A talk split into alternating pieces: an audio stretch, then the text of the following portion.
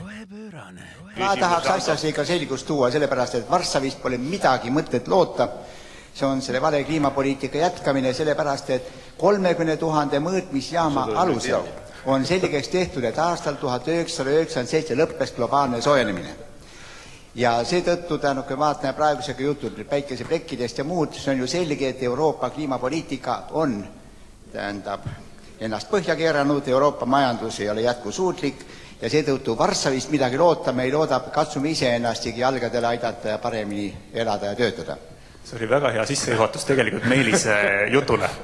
ehk nii, nii nagu oli juba öeldud, et, et väga hea sissejuhatus on järgmisele päevakorrapunktile räägime nüüd keskkonnast, räägime keskkonna kontekstist põlevkivist, räägime eeldatavasti Eesti kontekstis ja Euroopa või äkki ka maailma kontekstis. et palun, Keskkonnaministeeriumi asekantsler Meelis Münt. Ja Rohepöörane alustab, tere head kuulajad, nagu aru võite saada, räägime tänases saates kindlasti äh, sellest, äh, kuhu liiguvad meie tänapäeva ministeeriumi kantslerid, see salvestus, mida te just kuulsite, on küll salvestatud kümme aastat tagasi, aastal kaks tuhat kolmteist. aga enne, kui me sinna jõuame, siis ikka Rohepööre stuudios mina, Mart Valner, aega koostöö ümarlauast ja koos minuga on siin jätkuvalt Madis Vasser, Eesti Roheline Liikumine koos oma limonaadiga, kohe ta on lahti, sest janu on suur, väga hea nii, juba tuleb üle, väga halb. jaa, kuna me saime aru, et äh, tänapäeval kaks keskealist meest äh, räägivad juttu, saateid on juba äh, väga palju ja need enam nii hästi ei tööta, siis me mõtlesime, et me kutsume endale täna seltsi ka kolmanda nii et mul on hea meel, et meiega on üks enam mitte anonüümne endine riigiametnik Ivo Krustok, tere Ivo! Tere! kas ma olen keskealine valge mees? jaa, ilmselt olen, kindlasti olen ma rohkem keskealine valge mees kui, kui midagi muud. no me oleme seda arvutanud ja arutanud, et see sõltuvalt uh, uuringutele ja ja sellele, et kus seda uh, analüüsi piiri panna, siis see kesk, keskiga hakkab kas kolmkümmend või viiskümmend või kuskil seal vahepeal, et uh, mingiste analüüside järgi me oleme kindlasti seal olemas kõik. väga hea, siis on selge nii et kolm keskealist valget meest rääkima sellest, mis tegelikult kliimapoliitikas toimub, nagu ikka, rohepöörane alustab uh,. Millegast me täna räägime, räägime sellest, kuhu lähevad kantslerid tööle, miks nad kõik Kliimaministeeriumist ära lähevad, räägime kindlasti sellest, millega hakkab tegelema uus kliimanõukogu. Ja kui meil on aega, siis võib-olla natukene räägime ka riiklikest ootustest kliimaminister RMK-le, jah, täpsemalt, nii, millest alustada tahate? kliimamajanduskeskus oota, aga mis, ma, olin selle intro osas nagu nii segaduses, seal lubati, et Meelis Münt hakkab rääkima, aga ei hakanud. eks see oli Anto Raukas seal alguses või? see oli Anto Raukas seal alguses tõesti. ja kuule, mis, oota, ma lihtsalt, ma nagu võtan kohe selle teema nii. nagu täiesti suvalisse suunda praegu nagu laiali, ma täna nii vihastasin. mis värk sellega on, et Eestis peab nagu läbivalt olema noh, nagu noh, põhiline lähenemine see, et et kuulge, see kliimapoliitika ja värk, et noh, nagu, et peab tulema alati mingisugune jälle mingi suvaline akadeemik, enamasti vanem, juba keskeast nagu edasi liikunud, tavaliselt härrasmees, tavaliselt valge Eesti kontekstis, ja tulema rääkima, kuidas tegelikult asjad looduses käivad, hakkama vehkima ringi sõnadega nagu termodünaamika ja, ja, ja lihtsalt nagu noh mi-, miks me seda tahame kogu aeg, miks, miks me kõik nagu õudselt ootame ja tahame seda, et keegi nagu akadeemik tuleks ja paneks nagu selle asja paika, lähtudes üldiselt nagu retoorikast, mitte teaduspõhistest faktidest. mis värk sellega meil on, Anto Raukas siin oli alguses ju ideaalne näide. Ma, kas sa tahad nüüd adekvaatset vastust sellele? jaa, ma olin nii pahane tänast, ma nägin mingit raamatut, mille pealkiri oli Rohepesu. jaa ja, seda ja... soovitati juba, ma just ka täna nägin, et see nüüd peaks olema uus bestseller ma ei saa aru. sest, sest nii on Eestis alati olnud, see on traditsioon okay. kuskilt tuleb. kas ma peaks ka akadeemikuks hakkama, et siis mind võetakse lõpuks kõik, tõsiselt? kõik, kes on saanud kuuekümnendatel oma hariduse, see on siis, kui räägid, siis räägite õigeid asju ja nemad nüüd selle, selle teadmise pealt nagu lasevad ja tõesti, see mina, mina ei julge siin midagi kaasa rääkida, kaks doktorit kõrval, eks ole, see on hakake akadeemikuks, palun, teil on võimalus, teil on võimalus, palun väga, kraadid on olemas. mul on tunne, et nüüd enam ei ole. Ma lihtsalt äh, vabandan siis selle sissejuhatuse eest, sest see oli minu leitud, ma nagu ikka selle saate nagu taustauuring ju toimub alati siis kaks pool tundi, kui ma sõidan bussiga Tartust Tallinnasse, seekord oli teemaks, äh, pidi olema Meelis Münt ja siis ma tahtsin teada, et kust tema VKG nagu huvi või armastus on tulnud ja ajalooarhiivid näitasid mulle kätte aasta kaks tuhat kolmteist konverentsi Põlevkivi tulemik, tulevik, kriips, innovatsioon ja seal oli tõesti ettekanne Meelis Mundilt, kus ta ütleb, et äh, küsimus, tal oli retooriline küsimus, et kas kliimamuutused ja põlevkivi, kas koos on võimalik ja, ja vahetult enne seda ettekannet tõesti ma scroll isin seda Youtube'i videot läbi, siis tuli see Anto Raukase äh, siis plahvatus äh,, äh, vihaplahvatus, mis oli siis Einari Kiseli ettekandele, sest Einari Kiseli julges öelda, et kliimamuutused on olemas ähm, ja noh, ja see on see traditsioon, mis on tegelikult olnud aastakümneid ja on jätkuvalt siiamaani, et meie räägime kliimamuutusest ja siis äh, vanakooli akadeemikud ütlevad mingit äh, milleks sellest räägime. ja, ja töösturid ütlevad ka, et noh. ei no see oli, see oli kaks tuhat kolmteist, eks ole, võtame siis nüüd selle Anto Raukase öeldu lahti, Euroopa Liidu poliitika on läbi kukkunud, Varssavist pole mitte midagi head oodata, Eesti majandus on konkurentsivõime kaotanud, Euroopa Liidu majandus on konkurentsivõime kaotanud, me oleme nüüd kümme aastat hiljem, Euroopa majandus võrreldes kaheteistkümnenda, kolme, kahe tuhande kolmeteistkümnenda aastaga on paranenud, kliimapoliitika on tugevnenud ja, ja, ja toetus sellele on nagu suurem kui kunagi varem. miks me kuulame seda kuradi retoorikat, noh? sest et see on äh, hea sissejuhatus äh, järgmisele ettekandele, mis on Meelis Münt nagu täpsemalt. seda ma ei tea, ma ei tea, mis ettekanne see oli, ma pole seda kunagi kuulnud või näinud. jaa, arusaadav. võtame selle kokku, aga ma mõtlesin, et alguses ikkagi nagu mulle meeldib alati teha asju niisuguses äh, loogilises järjekorras ma mõtlesin, me alustame ikkagi sellest, miks meil Ivo siin on ma lihtsalt tulin rändima. jah, kus sa tulid, okay. kes sa oled? Äh, ma tahtsin teha väikest faktikontrolli, et äh, sest mu mälu on ka petlik, et mina aastal kaks tuhat kaheksateist sisenedes keskkonna valdkonda, ühe esimese asjana läksin ringmajanduse konverentsile, mis toimus äh, Kultuurikatlas Tallinnas. ja mul on nagu mingi mälestus, et miks Ivo oli seal, tegi midagi, aga mul ei olnud aimugi, kas olid seal ja mida sa tegid seal? ma olin seal konverentsil, ega ma ka ei mäleta, mida ma seal tegin ma olin ilmselt osa korraldustiimist. kultuurikatlas, oota, kaks tuhat kaks tuhat kaheksateist, see oli ilmselt sügise poole. Ma pakun, et see vist oli isegi oli... augusti lõpp võis olla oli... täitsa umbes praegusel ajal. see oli selline konverents, mille ühte päeva vist juhtis Kristi Klaas ja teist päeva Jim Ashilevi äkki olid päevajuhid. võimalik. Ehm, kui mulle nüüd meelde tuleb. peamiselt ma mäletan seda, et äh, Stella tol hetkel perekonnanimega Soomlais oli, oli seal, tal oli hästi ilus äh, kimono seljas, ma kiitsin seda, seda ma mäletan. ja ma mäletan seda, ma kiitsin väga, et Kristi sai oma päevajuhtimisega väga hästi hakkama, teisel päeval ma vist ei käinud. Äh, ja, ja ma mäletan seda, et minu nagu peamine teema oli sellega, et ma olin just lahkumas Keskkonnaministeeriumist, olin nagu üle võtmas siis noh, nagu tööd Kristilt, et minna Brüsselisse Eesti alalisse esindusse. Mm, et see oli vist see konverents, kui ma, kui ma õigesti mäletan, ma ei mäleta, et ma oleksin sind seal kohanud. no ma aga olin siis me..., ma olin siis mitte keegi veel.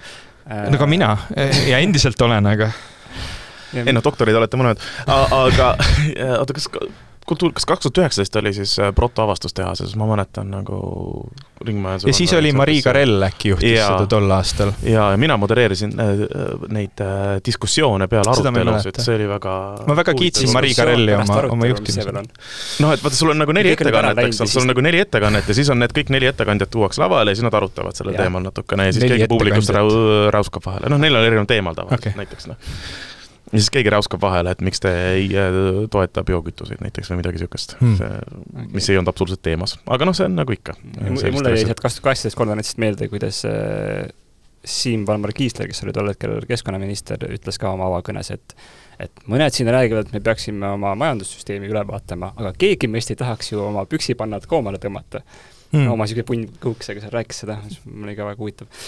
ega Siim oli väga lahe keskkonnaminister, Siim mulle väga meeldis ma olen hästi kiitvas tujus täna. seda on väga hea kuulda, siis sa oled nagu tasakaalustad ära selle osa, mida meie siin Madisega oleme ette valmistanud. Äh,. aga siis väga hea, mu mälu töötab. Ja siis kõige viimane kord, kui me kohtusime Ivoga, oli ka väga naljakas, me olime Arvamusfestival me oleme kõik Arvamusfestivalil, oli niisugune esimese päeva kas nagu... ma juba tean, mida sa hakkad rääkima, ma olen nagu esimese okay, päeva ei, hommik, no ma, ma sean nagu selle, selle tseeni nüüd, esimese päeva hommik on ju noh, esimesed arutelud juba käivad ja siis kuskil puu all on üks väike niisugune aruteluring mm, -hmm. kus siis olid kogunenud inimesed, äh, mina läksin ka. ja vedasid oh, minu kaasa? ütles, et tule, sa pead kindlasti sinna tulema tegelikult ma, ma sundisin teda ikkagi tulema. sina tulid enne äh, sinna ringi istuma? ma tulin koos Madisega, istusin. siis üllatuslikult vaatasin, oi, et ka nagu praegused ja endised riigiametnikud on kohal, et väga tore, et on saadud oma nagu sisemiste tunnetega lõpuks kooskõlla, sest et selle teema, mida räägiti, oli kliimaahastus. Ja siis, kui oli ava, avaring, avaring, kus äh, siis läbiviija küsis, et mis teie jaoks on kliimaahastus, siis äh, Ivo hakkas rääkima kliimarahastusest ja sellest, kuidas seda on liiga vähe ja ülejäänud ring oli nagu väga segaduses. ma, ma, ma täpsustan, ma täpsustan tegelikult hakkas kliimarahastusest rääkima Kädi Ristkok, kellele mina olin öelnud, et tegu on kliimarahastuse teemalise aruteluga. kui ring minuni jõudis, siis ma ütlesin tere, mina olen Ivo ja lasin ringile edasi minna. kuigi ma hiljem ikkagi ja tõele au andes tunnistasin, et, et tõesti, et ma sain ka aru, et selle arutelu pealkiri oli kliimarahastus. mul tekitas hästi palju segadust, kui me küsisime enne arutelu algust sellelt Soome, kas see oli so Soome instituut? Soome instituut korraldas, selle, selle juhatajalt vist küsisime, et, et noh, millest selline teema ja siis ta hakkas rääkima, kuidas no jaa, aga see on kogu aeg meie ümber ju kõik ja ja et noh, see on väga oluline teema praegu ja kõikidele väga tähtis. Ja siis me noogutasime kaasa, et jaa, kliimaraha tõesti on ümber igal pool. Ühesõnaga sealt me võtsime siis kõik kaasa selle teadmise, et mitte kunagi ei tasu, tasu sildistada oma kliimaahastuse üritust kui kliimaahastuse üritust, sest seda on võimatu kuulda õigesti, lugeda õigesti.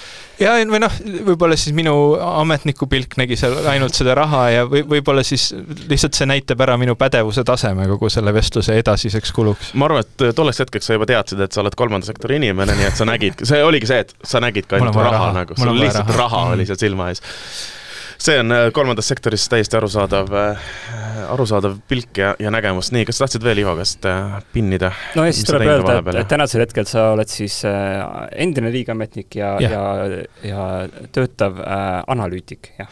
ma olen SEI Tallinnas vanem ekspert täna ja, ja tegelen seal siis energiatiimi, energiakliimatiimi sellise nagu suunamise ja läbimõtestamisega no näed, kui sa oled vanem ekspert, sa pead tunnistama, sa pead olema vähemalt keskealine. ma olen, ma, ma ei ole seda kunagi nagu jah, mitte tunnistanud, eks ma, eks ma olengi noh, nagu ma siin olen, vananev, kiilanev, kõht juba kasvab ette, nagu, nagu ikka selle vananemisega, eks ole, toimub ja, ja, ja vaated mõtlen, mõtlen ja... spordile rohkem, kui tegelen spordiga ja kõik need tunnused, eks ole, arvan, et mu arvamus on hästi oluline, käin seda igal pool äh, kajastamas ja ja leian, et, et see ongi õige, et mind kuulatakse, noh tüüpilised, tüüpilised patoloogilised probleemid. kas sa eile Eesti-Saksamaa võrkpallimängu vaatasid ja esimese game'i oleks võinud ära võtta ikka? sporti ma ei ole, ei ole kunagi sa ütlesid, et sa mõtled spordile rohkem. ei, ma mõtlen, no selles suhtes ma, ma mõtlen, et ma tahaks teha. selles suhtes, et ma nagu sa, sa, sa oled see, kes ostad hästi kalli ratta, hästi spetspüksid ja siis kunagi ei sõida? mul on, mul on nagu äpp mille nimi on, on, on Fitbod ja siis see annab mulle suuniseid, et täna sa võiksid oma, oma rinnalihaseid kasvatada ja ma just vaatan Marti praegu, ta ei suuda uskuda, et see saade nii halvaks kätte läinud on. et ühesõnaga, et ma, ma, ma vaatan, ütleb mulle, et täna võiksid jalgadele keskenduda või niimoodi ja siis ma mõtlen, et oi, läheks jõusaali. ja siis sa paned jess seal äpis ja siis ei, ei, seda ei, seal, seal peab ikka tegema harjutusi mm.. kuulge, aga keskkonnateemadest rääkides ja ratastest rääkides, siis Madis, peale eelmist saadet sa läksid äh, kastiratast proovima. Kas sa ostsid ära? ma läksin tõesti äh, ma käisin siis Eesti oma kastirattafirma Hagenbikes juures ja proovisin nende kõige-kõige suuremat ratast ja see oli väga mõnus, see tundus nagu täitsa tavaline ratas, lihtsalt tohutu suur kast on ees äh,. nagu käsitluse mõttes, et ei tundunud nagu niisugune limusiin, millega ei saa kuskil äh, ümber pöörata äh,. väga äge oli ja nüüd ma nüüd mõtlen, kuidas skeemitada endale seda riigi toetust, et, et see siis ära osta on... aga, aga oli ju kastiratastele riigi toetus, ma mäletan, et sellest aa ah,, okei okay,, see ei ole elektriline? see on. no vot, aga noh, ma mõtlen, et see on nagu, ma mäletan, ma, ma kuidas... tahaks mitte elektrist, aga riik sunnib mind ostma elektrit. Eesti, Eesti Twitter, ma armastan teid. see on nagu üldine lai, lai nagu mõiste, see on, see on ilus koht, aga ma mäletan, et kui, kui riik pakkus välja, et, et lisaks sellele, et me toetame, eks ole, äh, või et riik toetaks siis elektriautode ostmist, et võiks toetada ka kastirataste ostmist, et siis sellel nagu kõik ilkusid aga nagu kastirattaid on kõik kohati, see on ülipopulaarne menukas toode, inimestele meeldib, sellega on tore ringi sõita, sellega on tore lapsi vedada, sellega on tore kaupa vedada, milles häda? Kui see kaup sinna sisse ära mahub. ja ei no okei okay,, minul tekkis ka sellega probleem, et ei mahtunud, aga fine, noh nagu siis järgmine kord ostan väiksema kapi. tead, on olemas ka sellised järel, järelkärud ratastele, mis on ka või suurema kastiratta. Äh, et on, et saab vedada, okei okay,, mul viimane punkt oli Ivo äkki kohta. äkki saad Olerexist võtta selle käru, panna ratta külge, vaata, see oleks ka hea. ainult viimane Nii. punkt Ivo kohta, siis lähme, lähme süvitsi teemadesse. siis võib äh, Ivo ära minna. jaa, see on see viimane punkt, siis on see, et äh, sa oled ka, teed Kõmu ajakirjandust, sa teed rohepöörde kroonikat. jaa see on Kõmu ajakirjandus Kroonika, ma lugesin, et see Kroonika oli, Kroonika mingi rohepöörde sektsioon.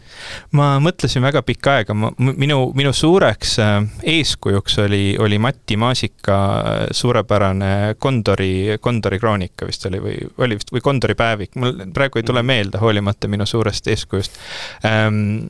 aga, aga ma mõtlesin pikka aega, et noh, kui, kui, mis, mis nime all kirjutada kogu sellest nii-öelda keskkonnapoliitika arengutest ja teemadest, sest ta oli alguses, see sündis sellest, et ma olin Brüsselis, ma tundsin, et selle roheleppe kontekstis toimub hästi palju arenguid, hästi palju uusi algatusi tuleb välja, hästi palju strateegiaid, seadusandlust, aga sellest noh, keegi väga eesti keeles ei kirjuta, sest noh, ma pean ka tunnistama päris ausalt, tõenäoliselt Eesti meedias ei ole väga kõrge huvi Euroopa Liidu keskkonnapoliitika sellise nagu sisemise protsessi vastu. selle üks põhjus võib väga tugevalt olla muidugi ka see, et äh, meil on Eestis väga vähe inimesi, kes suudavad äh, teha inimlikult selgeks äh, Euroopa Liidu keskkonnapoliitika protsessid ja miks ja. me peaksime üleüldse nendest huvituma. jah, ja no rohepöörde kroonika siis oli eesmärk vähemalt püüda esialgu mm, see oli see mõte, et ma siis kirjutasin kõikidest uutest, noh, tol hetkel algatustest, mis tulid, kirjutasin neid lahti, põhjendasin, kuidas nad olid nagu tekkinud ja miks ja, ja see oli, see oli, see oli see, kui ma Eestisse tagasi Brüsselist kolisin, siis see jäi aastateks seisma. ja nüüd see suvi ma võtsin ta uuesti üles, et, et kõikidel oli hästi suur huvi see suvi selle nii-öelda looduse taastamise määruse teemal. selle asemel, et kirjutada, mis asi see on ja miks selle vastu huvi peab tundma, kirjutasin ma umbes viis lehekülge pika artikli selle nii-öelda Euroopa Parlamendis toimunud poliitilise draama ümber, mis tundus mulle vähemalt põnev.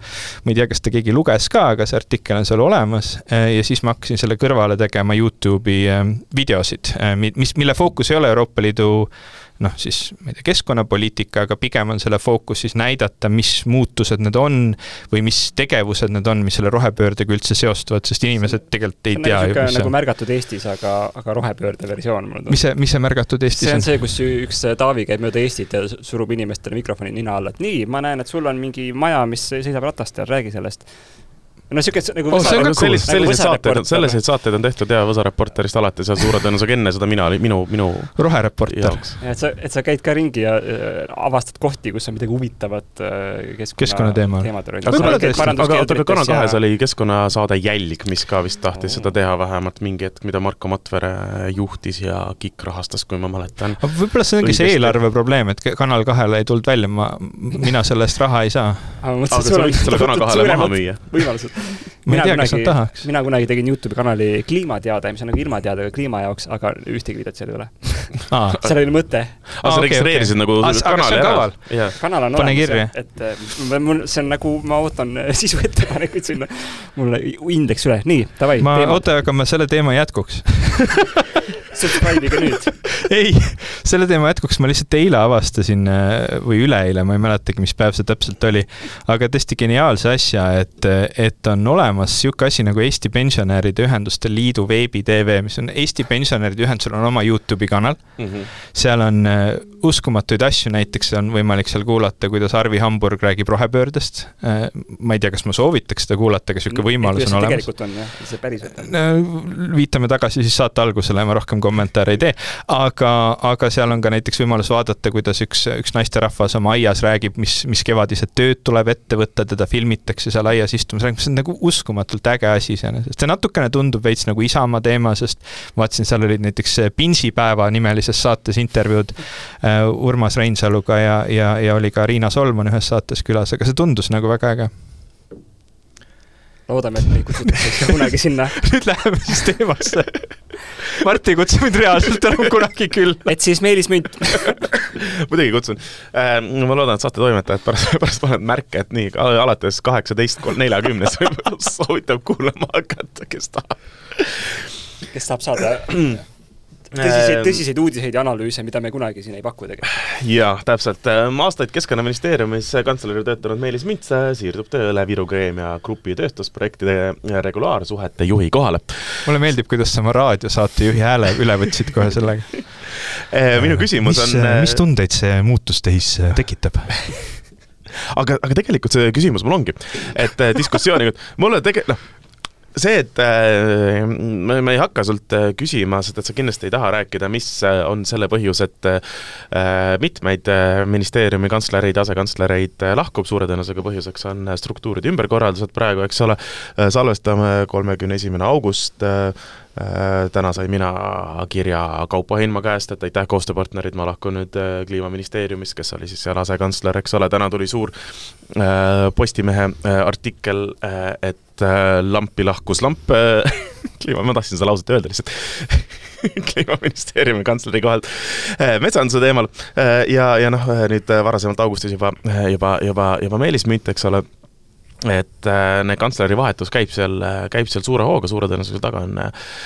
on igasugused struktuurimuudatused, aga kas see on okei okay,, et äh, ministeeriumi kantsler läheb kohe tööle äh, VKG-sse noh, erasektorisse üleüldse.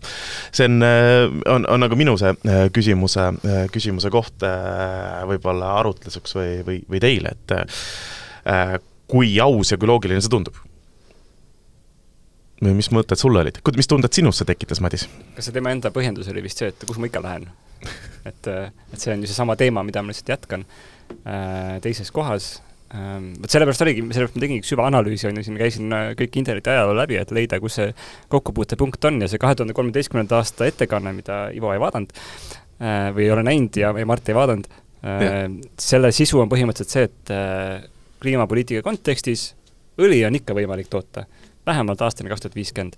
et vaadata sellest lähtuvalt näeb, et, et, et VKG-s tal on karjäär äh, võimalik äh, teha pikk ja põhjalik, kui me just arvame, et, et ta läheb sinna just neid ähm, fossiilkütuste teemasid äh, reguleerima ja nõustama, aga mul on alati, mul on siin saates sektsioon vandenõuteooriad sest Meelis Münt oli ka tuumaenergeetika töörühma juht, et võib-olla VKG on hoopis pannud näpu peale tuumaenergiale ja nüüd tahab endale selles vallas pädevust aga süsinikuheite mõttes on see igatahes ju positiivsem areng kui, kui õlitehase rajamine mm. -hmm. väga hea, et sa sinna tuumaenergia juurde läksid, sest et meil oli siin ka üks äh, kuulaja, kuulaja tungiv soovitus, et äkki oleks võimalik Madis panna ka tänases saates siiski tu tuumaenergiast rääkima. täpsemini oli see, et Madise nagu närvi ajada tuumaenergiat ja ma üritasin alustada ühest suunast, aga kuidagi veel ei, ei olnud viljakat pinnast. saade on veel pikk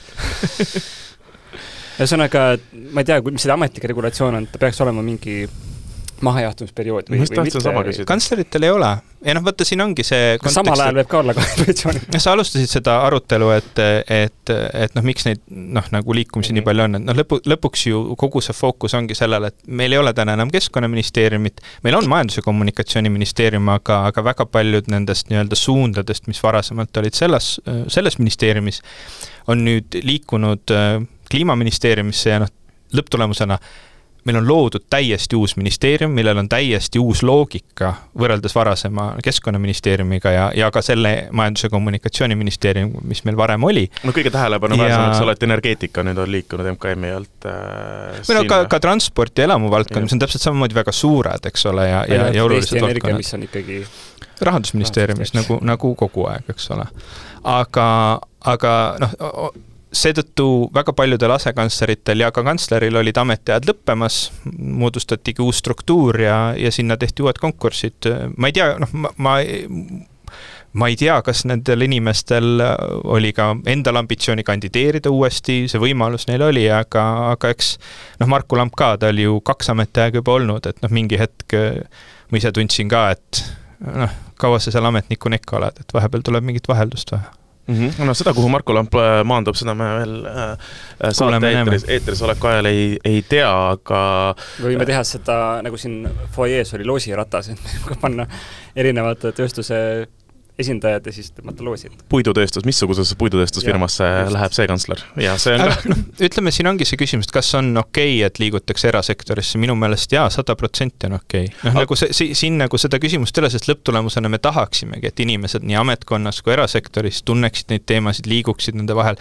me tahaksime ka seda ju tegelikult, et avalikus sektoris oleks rohkem pädevust ka ettevõtluse ja kõige muu kontekstis omaette küsimus on see, et noh, et, et äh, kas see, mida sa erasektoris teed, siis noh, nagu peaks toetama neid mingisuguseid teistsuguseid väärtusi kui see, millega sa oled tegelenud äh, avalikus sektoris ja vastupidi, et noh, siin on, siin on erinevaid eetilisi küsimusi, aga eks need otsustused ma jätan igale endile, et, et on meil liikunud inimesi erasektorisse töötama äh, rohetehnoloogia või, või cleantechi arendamisega, on mindud erinevatesse startup idesse toimetama ka, eks ole, keskkonnaeesmärkide poole, on ka neid, kes on liikunud siis fossiilkütustega tegelema.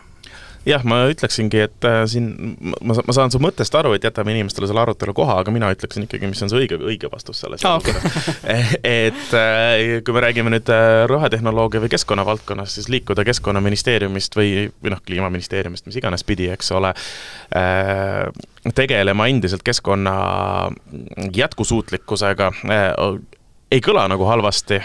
mulle ka mitte aga liik-, liikuda põlevkivimaailma kõlab natuke võib-olla kahtlaselt. koos on võimalik. koos on, koos on kindlasti võimalik, tegelikult äh, nagu äh, ütles mulle üks äh, kunagi kunagi pikaaegne kaitseväelane, et tegelikult ma olen patsifist, ma õõnestan süsteemi seestpoolt. et me ei saa kunagi välistada seda, et et, et Meelis Mint läheb süsteemi eespool, seestpoolt õõnestama ja võib-olla me panemegi põlevkiviõlitehased kinni ja ja, ja, ja VKG läheb sinna tuumajaama rindele suure hurraaga ja teadlikult läbi põrudes. sest et äh, üks asi on need teadmised ja neid on ikkagi võimalik äh, omandada või närida endast nendest õigusaktidest läbi, aga just need äh, tutvused on kindlasti see vara, mida, mida see kantsler kaasa võtab enda, enda varasemast tööst, et et saada õigetesse kohtadesse jutule, ma arvan, et tal on väga palju lihtsam kui suvalisel tööstusregulaator. jah, eks, aga sellest see murekoht, murekoht ju sellest tekibki, eks ole, et kas see, see inimene läheb nii-öelda tühjalt lehelt ja lihtsalt oma teadmistega tegema, tegelikult me ei saa keelata loomulikult kellelgi minna kuhugi sektorisse, kui see ei ole ka meil, kui see ei ole kuidagi juriidiliselt keelatud, eks ole. et äh, küsimus ongi, kas, kas, et äh, kas, kas peaks olema ja kas see tulevikumäng nii-öelda on teiste suhtes aus, eks ole, et loomulikult äh, mitte ühtegi halba asja öeldes selles suhtes hetkel VKG-le, et kui sul on võimalik võtta endale kantsler tööle, siis nagu go for it, nagu ma saan aru, kuidas see äri seal kasu tuleb, absoluutselt, eks ole. Ma arvan, et sellest võiks noh, tulla see arutelu küll, et kas meil on vaja mingitele näiteks tipp tippametnike või, või riigi tippjuhtide kohtadele selliseid nii-öelda rahunemise perioodi või, või, või noh, nagu mingisuguseid reegleid edasiliikumise osas. täna meil selliseid nõudeid vähemalt kantslerite puhul ei ole. mingite poliit-, poliitikute puhul on, on ju, siin oli, kes see, kes see oli? mitte poliitikud, aga on mingite riigifirmade juhid näiteks tõesti, kes, kes ei saa niimoodi liikuda. mingit Samsungi või mingit Huawei'd või midagi ma ei tea, ma ütlen nüüd Marko Pomerants, aga see võib olla täitsa vale nimi vot seda ma ei tea. Pomerants oli PR-is küll, jah jah, aga, aga noh, vot siin ongi, et seda debatti nagu tasuks pidada sellise tuleviku mõttes nagu, et kas, kas see on okei okay või ei ole ja, ja mida sellest arvatakse, aga näiteks noh, peale Meelis Mündi lahkumist, ega sellest ju mingit nagu või, või pigem siis minemist VKG-sse, ega sellest suurt arutelu ei tekkinud, nii et võib-olla see nagu ühiskonna vaates ongi täiesti normaalne. no võib-olla see on meie jaoks imelik lihtsalt, jah. ja, ja tegelikult selles osas ma muidugi nõustun sinuga, et Äh, et see ärritav äh, punase rätika koht siin on puhtalt VKG, eks ole. et küsimus ei ole ju selles, et äh, Meelis Mint läks erasektorisse, vaid kuidagi see VKG nagu ärritab siin keskkonnakaitsjaid sama, sama hullusti kui kogu teise kantsler Lambi tegevus kaheksa aasta jooksul, eks ole. ei no okay, aga tema võib minna VKG-sse, sest seal on, seal on ju tööd mitmel suunal. kõikidele nagu tulevastele olemasolevatele tööotsijatele, tulge nagu rohetehnoloogia maailma, tulge keskkonnamaailma, see on väga hea maailm kuule samamoodi ma näitan praegu püsti pöialt. No, nagu, kui sama... teil on valik minna kas nagu eh, noh, nagu sellesse fossiilide poole, see on ilmselgelt minevik, isegi Anto Raukas, näed, tõdes seda minevikus rääkides, et eh, noh, ma nüüd natukene mm -hmm. ilmselt tegin talle liiga ja võib-olla ta seda nii ei tõdenud, aga noh, täna me teame paremini, oleme targemad ja, ja tulge nagu rohetehnoloogia maailma. aga aus, aususe huvides me peakski samamoodi röstima Ivot, kes ka väga kiirelt läks ühelt ametipostilt, läks kohe teise. jaa, röstige. et eh, kuidas nii saab? kuidas saab minna Riigikantseleisse seisse tööle endine koostööpartner. riigisaladused, kõik teada. mis saladused mul ei olnud äh, riigisaladuse luba. miks ei olnud Riigikantseleis rohepöörde riigisaladuse luba, kas see ei ole oluline osa meie kaitsepoliitikast näiteks? Ma ütleks, et äh, suures ja laias pildis on. kui äh, võib riigieelarve komisjon kutsuda Kaja Kallast Venemaa majandusest rääkima, siis võib olla ka su-, ikkagi rohepöördel väga suur osa Eesti kaitsemajandusest aga omaette noh, ma, ma olen seda diskussiooni täitsa nagu avatud pidama, et kas ka näiteks noh, reaametnikud, mida mina olin, peaksid nagu mitte minema sellesse valdkonda tööle, millega nad näiteks riigis töötasid ja, ja ma ei oskaks seda kuidagi nagu põhjendada teistpidi, et noh, miks see ei peaks normaalne olema, jällegi mina avalikus sektoris töötades tundsin puudust sellest, et meil oleks rohkem inimesi, kellel on näiteks reaalne ettevõtluskogemus noh, kes, kes nagu teavad sellest maailmast rohkem mm. -hmm. ja ausalt öeldes töötades äh, avalikus sektoris, nagu suures osas enamik ametnikke vähemalt, kellega ma kokku puutusin, noh, on targad, võimekad ja eetilised inimesed vähemalt suurema osa ajast, nii palju, kui mina nendega kokku puutusin, et noh, ma ei ma ei usu, et keegi tuleks nagu hullult kuskilt väljaspoolt, hakkaks nüüd süsteemi õõnestama ja ma loodan, et see on ka tõsi, et kui inimesed lähevad riigist erasektorisse, siis nad ei lähe sinna ma ei tea, riigile kuidagi halba tegema ühesõnaga, hoiame pilku peal, vaatame, kas äh, hakkavad põlevkivi ressursitasud kukkuma seletamatutel põhjustel ja ja tasuta kvoote ikkagi kuidagi juurde tulema ja siis, siis, siis ei pea ka uuesti selle teema tõstatada, et mis seal toimub täpselt. kutsuge Meelis külla see on, ma arvan, näiteks äärmiselt, äärmiselt hea mõte. vaibale jah, kutsume, hakkame pinnima. ei, seda me sellisel kujul mitte, aga ma arvan, et äh, kui Meelis kuulab meie saadet juhuslikult, siis äh, ta on kindlasti oodatud meile külla, et äh, kirjuta joanna.laastet.delfi.ee ja oled oodatud absoluutselt. Tegelikult meil olid veel mitu mõtet, mida tänases saates rääkida, aga ma tahtsin hoopis ühel teisel teemal rääkida, vaadates vaadates, kuidas tänane saade niikuinii läinud juba täiesti metsa. läheb, siis äh, rääkides uuest ja suurest ministeeriumist ja sellest, et äh, Kristen Michali käe järgi on see ministeerium sinna äh, valmis loodud äh, ja vaadates nüüd äh, seda, mis praegu päevapoliitikas äh, toimub ja kõige suurema tõenäosusega näevad poliitanalüütikud äh, selle aasta lõpuks Kristen Michalit kõige äh, realistlikuma peaministrikandidaadina, siis kellest saab uus keskkonnaminister või no vabandust, kliimaminister, kas meil on keegi, kellel on võimekus seda kohta täita? Ma, ma ei ole üldse arvutanud niisugust asja oma peas. sest et eh, noh, kui me kõik praegu arutavad, kes võiks olla Kaja Kallase järglane, eks ole, aga see tähendaks ju seda, et eh, kes iganes seal on, temale peab kah järglase leidma. ja ma ütleks Võtaks... julgelt praegu, et Kliimaministeeriumi juhtimine võib olla üks suuremaid väljakutseid Eesti poliitmaastikul praegu. ja, ja ega selles suhtes see on, on väga suur küsimus, sest ega väga otseselt ju ei olegi teada, kes see võiks olla, noh, ma ei tea, Sutt võib-olla Reformierakonna vaatest võiks olla selline võimekas ja, ja, ja, ja hea poliitik, aga noh, ma ei, ma ei tea, kas siin on nagu otseselt äh, kedagi samaväärset Michalile kõrvale panna. et see on tegelikult väga oluline küsimus. sest noh, sinna on vaja tugevat äh, poliitikut, head saame, saame äh, erasektoris kellegi noh, ma, ma kahtlen sügavalt. mõni tippjuht. VKG-st kedagi. käib väike vahetus aga vot nüüd meil ei ole ju, noh, siin, siin on olnud küll valitsusi, kuhu, kuhu tuuakse väljaspoolt nii-öelda selliseid justkui ekspertministreid mm, -hmm. aga ma sügavalt kahtlen, et et see on see koalitsioon ja see on see Äh, ministeerium, kuhu, kuhu see oleks mõistlik, on vaja tuge-, siin, sinna on vaja tugevat poliitikut, kes Kristen Michal vaieldamatult on. me oleme nomineerinud siin Aveliina Helmi. ei, ma tahtsin just öelda, et Aveliina juba vaikselt, eks ole äh,, imbub sisse ministeeriumisse, et ta võiks olla mis, mis see Madis Kallas teeb, ta oli ju okei okay.? Madis Kallas on äh, regionaalminister hetkel, jah. regionaal- ja põllumajandusminister. jah, täpselt. saab ju alati ümber mängida. jaa, ma arvan, et äkki liidame selle ka Kliimaministeeriumisse ta, tal, tal on lisaks ka, ta on valest era-, valest erakonnast, kui nad just portfelli ei hakka ümber mängima. Äh, enne kui me oma saateajaga täiesti lõppu jookseme. oota, sul endal ei olnud vastust sellele mul ei ole vastust sellele küsimusele, ma ei tea, ma ei okay. tea, kes on vastus, ma, mulle Aveliina mõte, Madise mõte täiesti meeldivad, äh, teades absoluutselt, et see ei ole realistlik, eks ole. et äh, ma arvan, et mm, noh, Hannah oleks ju väga tore, ta on niisugune hea noor jakkaja, Riigikogu liige ja jah. noh, see oleks ju vaheldus ja ikkagi keskkonna äh, Ro Rootsi pani oma, pani kliimaministriks äh, noorima, noori, kõige noorema inimese, kes kunagi on olnud äh, Rootsis minister, üks noor naisterahvas täpselt samamoodi äh, nagu Hanah valimistel sai palju hääli ja pandi siis kliimaministriks. Min-, mul ala-, ma kuulasin ühte intervjuud temaga, see oli alati iga kord teeb nalja, kui selleni jõutakse, et tema suurimad eeskujud on, on AOC ja Margaret Thatcher. et äh, püüa neid kahte panna ühte ruumi ja vaatame, kuhu nad oma aruteludes välja jõuavad. väga huvitav. aga veel, enne kui saade saab läbi, meil on viis minti, me saame ikkagi veel käia niisugune kiirrösti teha ikkagi selle kliimanõukogu osas ka, mis oli ka ja. üks uudis, mis tuli viimastel nädalatel välja siin. eelmisel, täpsustame, kliimanõukogu äh, kokku kutsuti, seitseteist liiget äh, seal on kodanikuühiskonnast Äh, on äh, üks. või null, kui arvestada, et see üks on tegelikult keskkonnaühenduste vaade nojah, okei okay,, kodanikuühiskonna esindajat kui sellist ei ole, on keskkonnaühenduste üks vaade, vastu on äh, neli ärimeest, mõned teadlased ja, ja, ja natuke niisugust nipet-näpet siit ja sealt.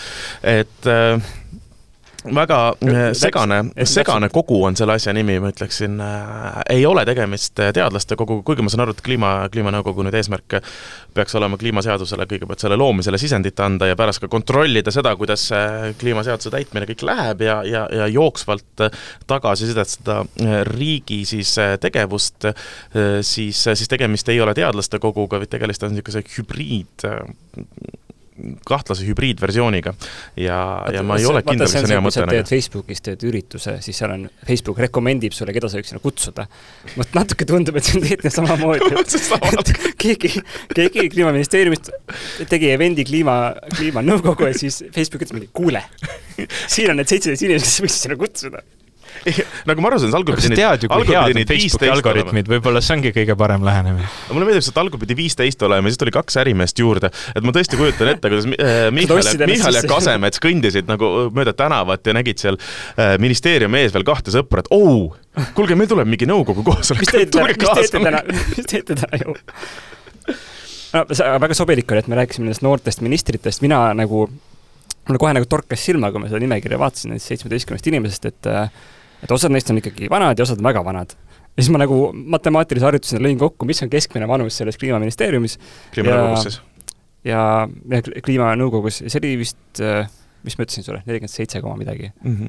Kas see on madalam kui Eesti keskmine õpetaja vanus? no jah, matemaatikaõpetajate puhul kindlasti. et, et siis üks küsimus mul oligi, et kus see, kus need noored siis jäid või et eh, noh, et kas Keskkonnaministeeriumil oli kunagi noorte, kes, keskkonna noortekogu või noorte- jaa. võib-olla see on, see jätkab ja, ja on ka üks nagu sisendi andja. Koridoris üritad karjuda seal ruumis sisse, et mingi ei, see on tore, et noorte ma kaasamine ala- alati formaalselt kuul- kuulasin käib, teid ole. kunagi, et mõtlesin, et ma- te teete riigile ikka liiga, et ma tahaks nagu kaitsta riiki ja nüüd ma ise ei ole enam riik ja, ja pole nagu, nagu võib-olla see roll enam, aga ma mõtlen selle kliimanõukogu osas seda, et jah, võib-olla oleks selgem olnud teha noh, eraldi näiteks teadlaste kogu, kus ongi ainult, eks ole, akadeemilise taustaga inimesed ja, ja veel neid erinevaid kogusid siis noh, kas noortekogu poolelt võtta, teha seda kaasamist väga laialdaselt, aga see ei tohi ka nagu lõpuks liiga keeruliseks muutuda, sest noh, juba inimestele see pilt nagu läheb nii segaseks, et nad ei saagi enam aru, kuidas kaasatakse, mida kaasatakse, võib-olla see Eesti mõttes oli niimoodi tasakaalukam ja kui see ei toimi ja ei olnud, noh, mul on ka niisugune tunne, et seesama nõukogu võib ise oluliselt oma rolli ka ümber kujundada, et neile on antud omale niisugune mandaat ja, ja võimalus tegutseda, kui nad näevad, et see asi peaks nagu teistmoodi toimetama, võib-olla nad siis saavad seda ka välja pakkuda ja ümber see on kujundada. ju, milline mõttetu ajakulu on esimese asjana hakata struktuurireformi tegema oma just välja pandud äh, komisjonis, et no see on Eks, nagu eksperdid tulevad kokku ja näevad, et oleks vaja natuke teisiti ja pakuvad selle välja. no, No, ma en- loodan, et seda juhtub. loodame, et juhtub jah, sest ma ei, ka ei näe seda äh, et on mõistlik, et teadlased ja ärimehed äh, koos diskuteerivad selle tee üle, et kuhu me peaksime edasi minema, et äh, kuidagi minu loogika ütleks ka, et äh, meil on kuskil teadlaste kogu, mis ütleb, et vot siin on nagu faktid, sellest me lähtume, siit-siia me peame jõudma ja siis me läheme selle laiema avalikkuse kaasamisega, nüüd on küsimus, kas see on nagu piisavalt suur kaasatus või mitte, selle üle võib edasi diskuteerida, eks ole, kellega koos sa saad arutada siis selle üle, et kuidas me sinna jõuame, kuidas me sinna liigume, mis on need täpsemad suunad ja nii edasi ja nii edasi ja nii edasi, eks ole No. aga, aga sa ei saa panna nagu äh, teadlasi ja ärimehi samasse tuppa nagu arutama, et kõigepealt teeme siis selle diskussiooni, et kas kliimamuutused eksisteerivad, eks Ja ole, ja siis me hakkame rääkima, kas nad on nagu inimtekkelised no ma olen- väga tahaks loota, et niisugust diskussiooni seal keegi pidama ei hakka, ma võin nagu e- enda poolt kohe siis juba ära öelda, kui keegi sellist diskussiooni tahab pidama hakata, siis võib-olla nende koht ei ole seal. Sorry, minge koju. jah, sellega ma olen nõus see võiks olla ka seina peal, Kliimamuutused- nagu meil on siin seina peal see asi, mida me ette ei lugenud ikkagi. oi, me loeme selle ette, oota, oota, ma pean, ma pean selle ette lugema. Lõpus, see sobib lõppu väga hästi. aga jah, et võib-olla seal ka on äh, seina peal, et kui iga kord, kui see nagu ministeeriumi nõukogu kokku tuleb, on seina peal, et kui sa ei usu kliimamuutusi, sinu koht ei ole siin. Mhm. ja siis võib-olla see, ma ei tea, ma siin ütlen lihtsalt anonüümsed kuuskümmend pluss inimesed äh, lahkuvad ruumist, ma ei tea. Neid on siin mõni. nii, kliimanõukogu on läbi võetud, tegelikult me ei tea, mis sellega üldse saab, ma lihtsalt vaatan, et meil on äh, saate salvestuse aeg äh, Läbi võetud. on ka omadega läbi võetud, sest me täna alustasime natuke hiljem äh, erinevate tehniliste probleemide tõttu, aga see mis ei olnud minu süü. mis ei olnud ma igaks juhuks mainin. Ivo süü, jaa, ei jäänud Ivo hiljaks, kindlasti ei juhtunud seda. mul küll jäi maha see Coca-Cola Zero ilma kofeiinita, mis ma tahtsin kaasa võtta, et ka nagu avada limonaadina, aga jah. sellest pole hullu. Äh, ma loodan, et mm, äh, täna äh, ajutiselt või mitte ajutiselt, aga täna meie saate toimetajaks olev Kristin leiab sellest kogu mölast umbes kaks lauset, mida võib ka kasutada kuskil artiklis, aga mina ütlen kultuuriteadetena seda, et kliimaseaduse avaüritus toimub kahekümnes september, selle kohta ma ei ole kindel, kas on võimalik leida avalikku infot, aga üritage, kellel on huvi kui ei leia, siis küsige minu käest lekitan teadet, äh, see toimub Tallinnas. Äh, see võiks olla väga suur ja avatud üritus, aga ma kardan, et see on niisugune, eksperdid jälle omavahel äh, mõtlevad, kuidas siis ühiskonda kaasata. ja mina, mina omalt poolt ütlen, et ma loodan, et me teeme mõne salvestuse veel enne kahekümnendat septembrit. ja Ivo, kes on esimene külaline rohepöörases, kes on siin käinud kaks korda palju õnne, Heimelikult oluliselt tagasihoidlikumalt ja riigiametnikuna. oota, kas ma võin ka kultuuriteate teha või? kaheksateistkümnendal septembril kella kolme ja poole viie vahel toimub selline lahe üritus nagu Inimene roherägastikus, kuidas muuta kestlik käitumine lihtsamaks. see toimub fotograafis, kas selle te leiate täiesti avalikult Facebookis üles, ma soovitan sinna kohale tulla, see tõotab tulla väga lahe. kes seal, kes seal seda rägastikku raiub?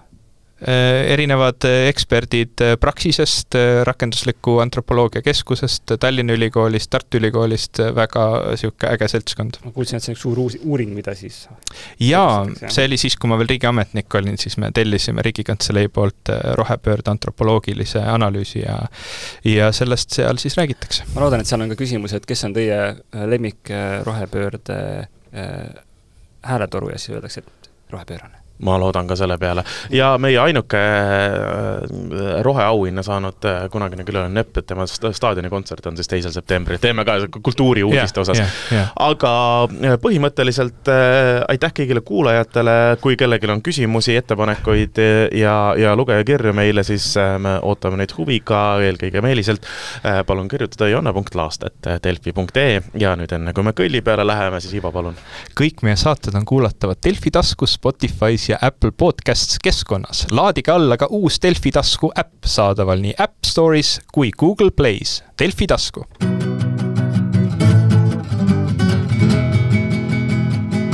rohepöörane